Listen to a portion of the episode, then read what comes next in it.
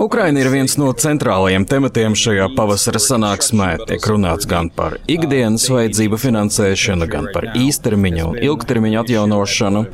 Kāda jums rodas sajūta noslēdzot šo noslogoto nedēļu? Vai starptautiskā sabiedrība ir gatava turpināt atbalstīt Ukrainu? Thank you very much. Uh, first of all, let me tell you that uh, I've seen Paldies! Vispirms es gribētu teikt, ka es nesaskatu nekādas noguruma pazīmes. Viņa labi apzinās, ka Ukrainai ir nepieciešams laiks, ka Ukrainai ir nepieciešams atbalsts. Turklāt, tagad mūsu partneri ir vairāk gatavi nodrošināt ilgtermiņa stratēģiju nekā pirms gada. Viņi ir gatavi uzņemties ilgākas saistības. Starptautiskā valūtas fonda programmas apstiprināšana ir liels panākums. Tas bija iespējams tikai tad, kad visas G7 valstis nolēma iesaistīties un palīdzēt Ukrainai. Tagad man visapkārt saka, dariet, kas jums jādara. Jums ir jāuzvar šajā karā. Mēs jums palīdzēsim tik ilgi, cik tas būs nepieciešams. Nesatraucieties! Okay, so Tātad jūs saņemat pozitīvus signālus par atbalsta turpināšanu.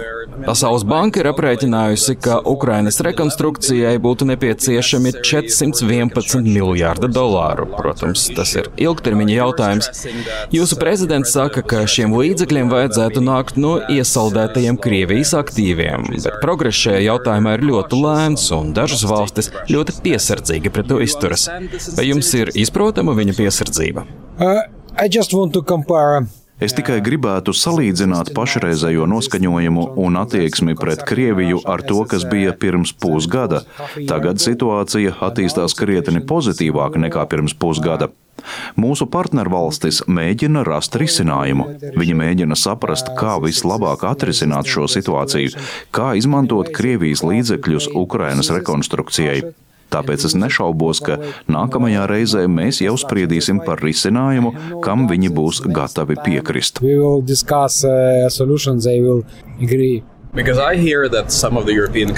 Jo es dzirdu, ka viens no galvenajiem iemesliem, kas attur vairākas valstis no šīs soļa, ir bailes no tā, ka Kremlis uz to atbildēs ar Eiropas vai citu rietumu valstu uzņēmumu īpašumu un līdzekļu konfiskāciju, kas joprojām atrodas Krievijā. Tas radīs šīm valstīm zaudējumus. Bet kāpēc viņi joprojām ir Krievijā? Labs jautājums. So Tā arī ir atbilde. Viss ir diezgan vienkārši. Es nedomāju, ka uzņēmumiem, kas šobrīd strādā Krievijā, tuvākajā laikā būs kāda manevrēšanas telpa.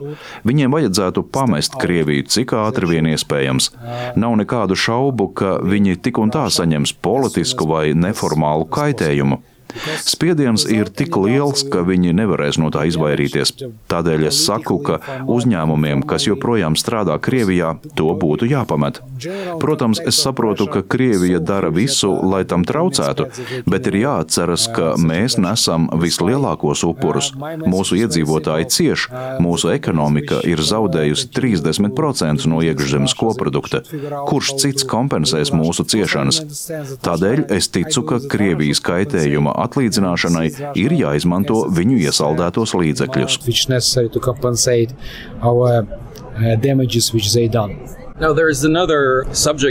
Es gribētu pieskarties vēl vienam jautājumam, kas pašlaik ir aktuāls. Vairākās Eiropas valstīs, sevišķi Polijā, Rumānijā un Bulgārijā, ir zemnieku protesti pret Ukrainas graudu ieviešanu.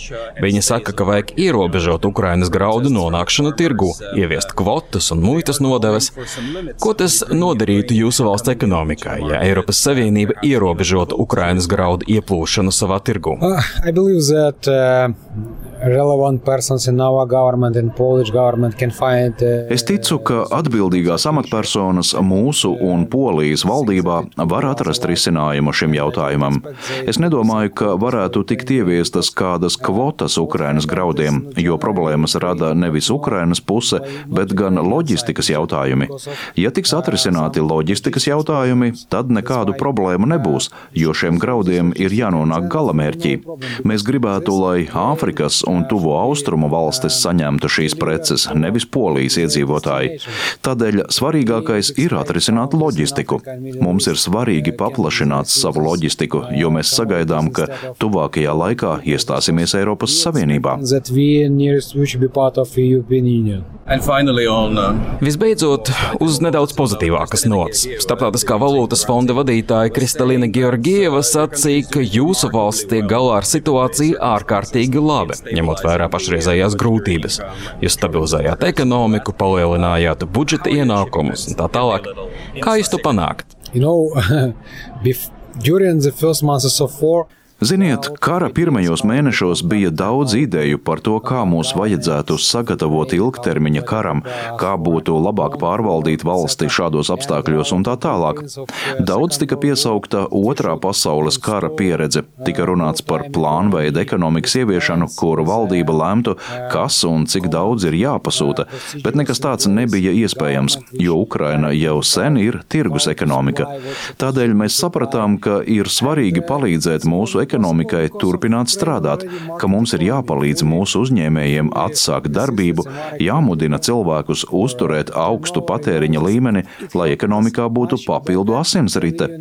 Tas mums palīdzēja krietni labāk nekā daudz gaidīja kara pirmajos mēnešos. Tādēļ mans vēstījums ir ļoti vienkāršs. Ir jāpiemērojas situācijai, nevis jāskatās uz vēsturiskajiem piemēriem. Šādai kara situācijai nav piemēra. Tieši tāpēc mēs tagad esam esam saņēmuši Starptautiskā valūtas fonda programmu. Tas šķita kaut kas neticams. Mēs esam pirmā valsts, kas, atrodoties kara stāvoklī, ir saņēmusi Starptautiskā valūtas fonda programmu. Vēl pirms gada daudzi šaubījās un teica, ka ir pārāk daudz neskaidrību. Tagad mēs jau runājam par to, kā izpildīt mūsu saistības.